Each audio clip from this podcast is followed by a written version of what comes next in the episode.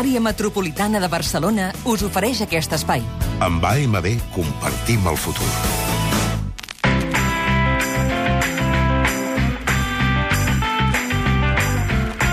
Ara al cinema, als llibres i al teatre a la tribu de Catalunya Ràdio amb el Josep Lambies, el Jordi Nopca i la Montse Barcón.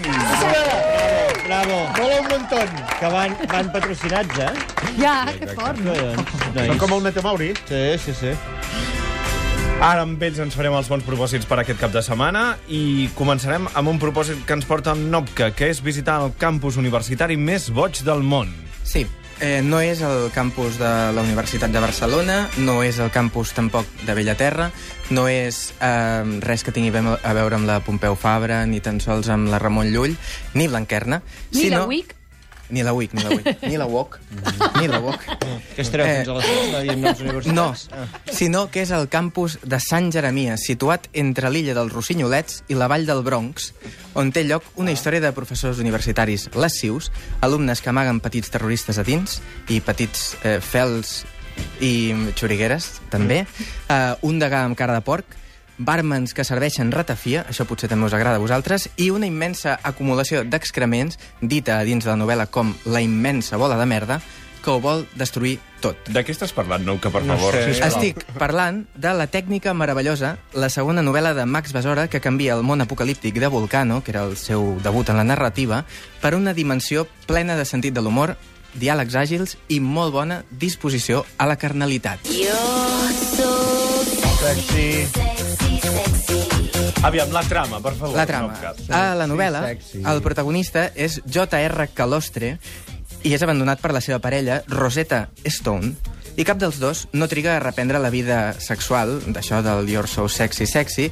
Uh, com diria ell, ell busca algú que tingui uns bons pernils i res més. Ah, ah, ah. Um, què li passa? Que, li, eh, que és expulsat del campus pel degà porcí que dèiem abans, i ella, que és una mica més complexa que en Calostre, es deixa introduir alguna cosa, però també es deixa introduir a la secta dels infinitistes que creuen en la futura arribada d'uns éssers d'un altre planeta, el planeta Nyargok. Tinc moltes preguntes, eh? Sí. Un moment, un moment, un moment. Tu vas fent, ja. Eh, els Nyargok són uns éssers molt intel·ligents que volen revolucionar el coneixement i que tenen una particularitat, que és l'absència de cul. Per tant, no fan servir Perdona? paper de vàter i no porten tampoc calçotets. I Ho per on- repeteixo, no, no tenen cul. No tenen cul. I per No. on de- d'això? Els ven- Això la novel·la no ho resol. No ho resol. Cadascú que s'imagini el que vulgui. Ha no ho un, el, nom, el nom del protagonista, en J.R. Calostre. Sí. Tu, Calostre, saps què és?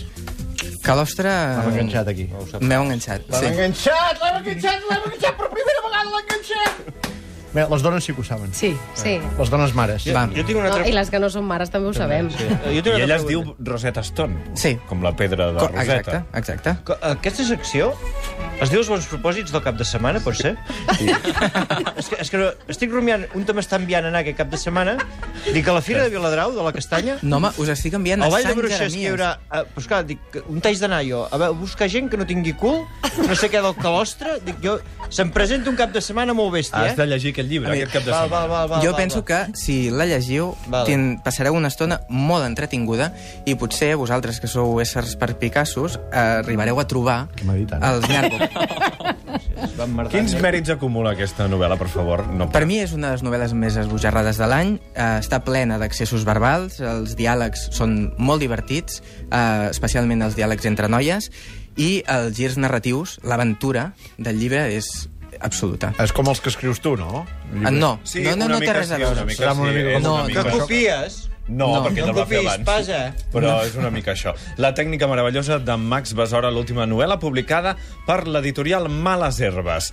El següent propòsit ens el porta l'envies i és fer una pel·lícula, o diverses pel·lícules, sobre els fraus del petit Nicolàs. Ah, Exacte, l'estem reclamant tots com hienes. Una pel·lícula sobre les mil impostures de Francisco Nicolás, nou heroi nacional de la pàtria ibèrica que tots hem vist besant la mà del, eh, del rei Felip VI el dia de la seva coronació, intimant amb els de les faes, fent pauets amb la botella. És una mina, aquesta història, Sí, la història del totalment. petit Nicolàs. I jo crec que si tots plegats hi barrineu una mica, podeu arribar a convertir-vos en els directors d'aquesta pel·lícula eh, i fins i tot emportar-vos algun premi gruixut, tipus l'Oscar eh, i cap amunt. Carai. Uh, si voleu una miqueta d'inspiració... Això t'anava a dir, històries semblants de la Petit Nicolàs. El cinema en té unes quantes. El cinema en té unes quantes, i si us voleu inspirar una mica us proposo una petita marató eh, d'impostors de cinema aquest cap de setmana tancats a casa vostra. Això sí, us porto tres pel·lícules. Número 1. Atrápame si puedes, de Steven Spielberg. Eh, com el molt reverenciat faran, Leonardo DiCaprio també era un farsant en aquesta pel·lícula. Ell robava les credencials d'un pilot d'aviació, es posava un uniforme i es dedicava a pilotar uns avions terriblement grossos sense tenir ni la més remota idea de com funcionaven. Això sí, gràcies a la seva impostura aconseguia beneficiar-se algunes hostesses de vol de bastant bon veure i feia pam i pipa a totes les autoritats d'aeroport en aeroport. Aquesta és la primera pel·lícula. Sí, Número 2, el títol no enganya, és El impostor, de Bart Lighton. De què va aquesta? Aquesta explica el cas d'un tal Frederic Bourdain. Als 23 anys, aquest nano es va fer passar per un nen de San Antonio, Texas, que havia desaparegut en misterioses circumstàncies. El tal Bourdain es va presentar a casa dels seus pares, dels pares desconsolats d'aquest nen, i el van rebre amb els braços oberts com si fos aquell fill que havien perdut. Cosa graciosa, com s'ho va fer perquè aquesta bola colés? Ningú ho entén, és bastant inversemblant, quasi tant com la història del petit Nicolàs, Sí. perquè el nen a qui estava suplantant tenia 15 anys, mentre que Bordanan en tenia 23, i el nen era americà i no pas francès. Però pel que es veu, aquells progenitors desconsolats... Eh, No els anava bé. I els hi anava bé, tenir un xaval una miqueta més crescudet eh, a qui no haver d'educar ni suportar... Perquè aquesta història estava basada en fets reals. Estava basada en fets reals, exacte. Bart Lighton es va limitar a convertir-ho en un documental que era uh, de treure la pixera. Número 3. Pel·lícula número 3. Però aquest que concepte? Aquest concepte és allò quan et quedes impressionat, saps? I ja no pots anar al lavabo. Treu la pixera. En Això li passa dies, al, doncs, al calostre la que dèieu. El calostre té retencions a Té vegades. retencions. Eh, Clar, si no té cul. Bueno, però sí que té davant, no? Pel·lícula número 3, sisplau. L'adversari de Nicole Garcia. És l'adaptació d'un llibre del gran Emmanuel Carrer, que també era al·lucinant i també estava basat en fets reals. La història d'un home que deia ser un alcàrrec de l'OMS, l'Organització Mundial de la Salut, i que vivia com si estigués muntat en el dòlar, amb un salari bastant respectable i una vida d'allò més luxosa. Un dia inesperat, aquest senyor assassinava la seva família sencera. Pares, fills, dona i gos. I aleshores es descobria que aquest no només no treballava a l'OMS, sinó que ni tan sols havia acabat el primer curs de Medicina. Tot plegat havia estat una immensa mentida fins que un bon dia eh, tota la pols va sortir de sota la catifa. Una pols que havia anat acumulant durant més de 20 anys d'impostura. Pel·lícules, per tant, d'impostors a l'espera que es faci la pel·lícula que mereix el petit Nicolàs, que ahir vam parlar en aquest programa i realment és un cas que et deixa amb la boca oberta. Els títols que ens ha recomanat aquesta tarda l'envies, el repeteixo, són Atrápame si puedes, El impostor i L'adversari. Pròxim propòsit per aquest cap de setmana Barracón, triar entre milers les paraules més boniques. Li juro pel que més estimo que el d'avui ha estat un fet aïllat que puc fer aquesta feina els dies que venen vostè no s'ha de preocupar que ho llegeixo Si tu ets música, què et fa escoltar-la trist? Dolçor amb dolçor no es bat. Goig amb goig no rebutja. Per què t'estimes, doncs? Allò en què tanta pena has vist.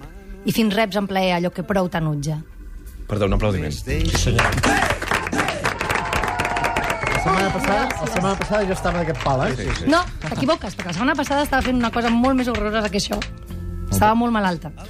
Sí. No vaig venir la setmana passada. Efectivament. Xuriguera. Les setmanes, passa les Veus el que setmanes trobo a faltar, no? De qui és això? De qui és això que ha llegit ara Va. la Barracón? Qui ho ha escrit? No. Jo què sé, Va, aquí és el dramaturg més important de la història. en Beckett. És William Shakespeare. Ah, Oh, què té Shakespeare? Que no et canses mai de llegir-lo ni de veure el representat. Què té?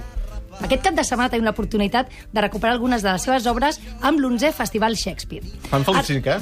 Felip Cinquè. Felip Cinquè és, val molt la pena veure-les. Eh, està, el, està al Teatre Lliure de Gràcia, però no està dins, inclòs en el festival. No però és Felip, sinó està- Enric és absolutament... Què has dit? Enric Cinquè. Felip Cinquè. Enric. No. Enric. Sí, aquesta la fan al lliure. Però això és una altra cosa. Aterriza Això és- como puedas, No, el és, i tant. Tu vés a veure-la? Ves all- allà al, al Nacional, a la Sala Gran. El fan? Sí, ves i pregunta-ho. Ai, va, que està Arrenca parlant que- del Festival Shakespeare. Exacte, aquest festival arrenca amb el Timó d'Atenes, direcció de David Selves i Julio Manrique encapçalant el repartiment. Continua amb Desdèmona i continua també amb la companyia Les Antonietes, que ja van tenir molt èxit amb la seva ante- anterior versió. d'Oncle Vanya de Chekhov. I hi ha moltíssimes activitats. Hi ha clubs de lectura, vermuts amb directors d'escena, i algunes d'aquestes són gratuïtes, així que el que us recomano és que remeneu la web www.festivalshakespeare.com I això es fa a Barcelona en diversos espais fins al dia 29 d'octubre. Molt bé, gràcies. Més propostes. La d'en Nopka, que és descobrir els secrets de l'escriptura amb Francis Scott Fitzgerald. Això mateix. Um, us, heu, us n'heu adonat que cada vegada hi ha més gent que s'apunta a les escoles d'escriptura? Jo he fet una enquesta al meu barri, he anat a la, a la caixera del supermercat, he anat al mecànic i he anat a la florista i tots tres s'han apuntat a aquest curs a, a, a una escola d'escriptura. A quin barri vius? A, a, a un barri molt especial. Un barri molt especial i allunyat del brugit així Oh, urbà, i etc. Um, clar, passa que per mi, és curiós que cada vegada s'apuntin més gent a les escoles d'escriptura i cada vegada els índexs de lectura siguin més baixos i es comprin eh, cada cop menys llibres. Perquè volem escriure més i llegir menys. Sí, Hi ha suposo... gent que escriu que no, cada cop en queda menys que llegeixi. Clar. Tothom Sí. escriu i només llegeix el seu. Però, esclar, les, les matrícules d'aquestes escoles d'escriptura acostumen a ser, si no altes, bastant importants. Gent té calés. Sí, jo tinc una, una alternativa a apuntar-se a una escola d'escriptura i és matricular-se a un altre curs, que és el curs del senyor eh, Francis Scott Fitzgerald, l'autor del Gran Gatsby.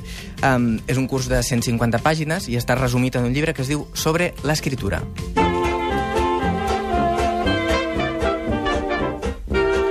Fitzgerald deia que escriure bé és com nedar sota l'aigua i aguantar la respiració.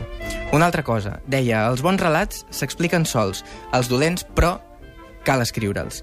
Uh, el llibre és ple de frases enginyoses, no tan divertides com les del senyor Calostre, diguéssim que les podem prendre una mica més seriosament, i en té una que és potser una de les meves preferides, que diu En una novel·la agafes com a punt de partida un individu i acabes trobant que has creat un arquetip. Agafes com a punt de partida un arquetip i t'adones que no n'has tret res de res. Què us sembla, això?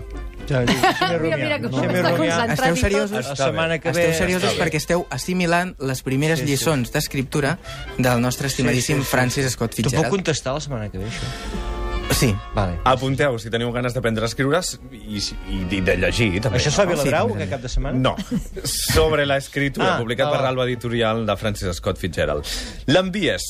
Pròxim propòsit, passar una tarda al Inèdit. Sí, i serà la tarda de dissabte. Recordem-ho, l'Inèdit és el gran festival de documental musical de Barcelona. Cita imprescindible per a cinèfils i melòmens. Jo us recomanaré només dues pel·lícules per veure demà mateix. D'entrada no podreu fer gaire sobre taula perquè la primera comença a eh, tres quarts de quatre a l'Aribau Multicines. Es diu Down and Dirty i és una epopeia rock que explica la truculenta història de Johnny Winter, gran guitarrista albí, cabells blancs, llargs, mort el darrer mes de juliol. Va tenir una vida bastant dissipada, amb alguns episodis tèrbols de drogues, i es drogava. i eh, sí, aquí el veureu parlant-ne amb tot luxe de detalls. I la segona... La segona és The Great Queen, Pretender, Queen, on podreu conèixer de ben a prop el periple en solitari de Freddie Mercury des de l'any 1985 fins al 91. Home, un periple que inclou això, Un periple que aquesta. inclou la seva actuació amb la Cavaller. És mort també, en Queen. És mort, l'any 91. Sí, per això arriba la pel·lícula fins a l'any 91. The no Great- podíem fer ja més història. The Great Pretender i Down and Dirty són dues de les pel·lícules que podeu veure aquests dies al Festival Inèdit Bifitter de documentals musicals de Barcelona. I acabem amb l'últim propòsit de la Barcon, que és evitar el suïcidi d'un elefant hipotecat o anar a buscar un català mut a Texas. Jo us recomano que aneu a la Seca Espai Brossa, que conegueu aquest espai, els seus espectacles de petit format, teatre experimental, teatre molt proper, És un teatre molt bonic, a més a més, Molt bonic, lloc, sí. que, que a més té una terrasseta, Mm. i a més té croissants de la May Hoffman. Vete aquí, Sí. vete aquí I teatre Magdalenes. vas a veure. Magdalenes Però- de poma. Vete aquí, Però que m'agrada. més enllà, de, més enllà d'això, ara mateix aquests dos espectacles a, a la cartellera molt recomanables, El suïcidi de l'elefant hipotecat, de Daniela De Becchi, i aquest Montaldo, d'un gran actor i creador que és Ernest Collado. Les dues són veritables perles que val molt la pena veure. Molt bé, proposta per anar a la Seca Espai Brossa, al carrer Flassaders de Barcelona. Més informació a laseca.cat. Que truquin aquí. Exacte. Que em truquin a mi. No que l'envies i Barcon, moltíssimes gràcies. Molt bé. que passeu un bon cap Eh, de que si setmana. voleu aneu a la Viladrau, eh? I a la Fira de la. Castanya. A la castanya, eh? A buscar croissants. Eh? No, castanyes. T'agrada la les Fira de la? Castanya, És no? la Fira de la Castanya, Viladrau. Molt bé, ja ens ha quedat hi aniré. Gràcies. I llegiré un llibre, miraré una pel·lícula i faré un poema. Àrea Metropolitana de Barcelona us ha ofert aquest espai.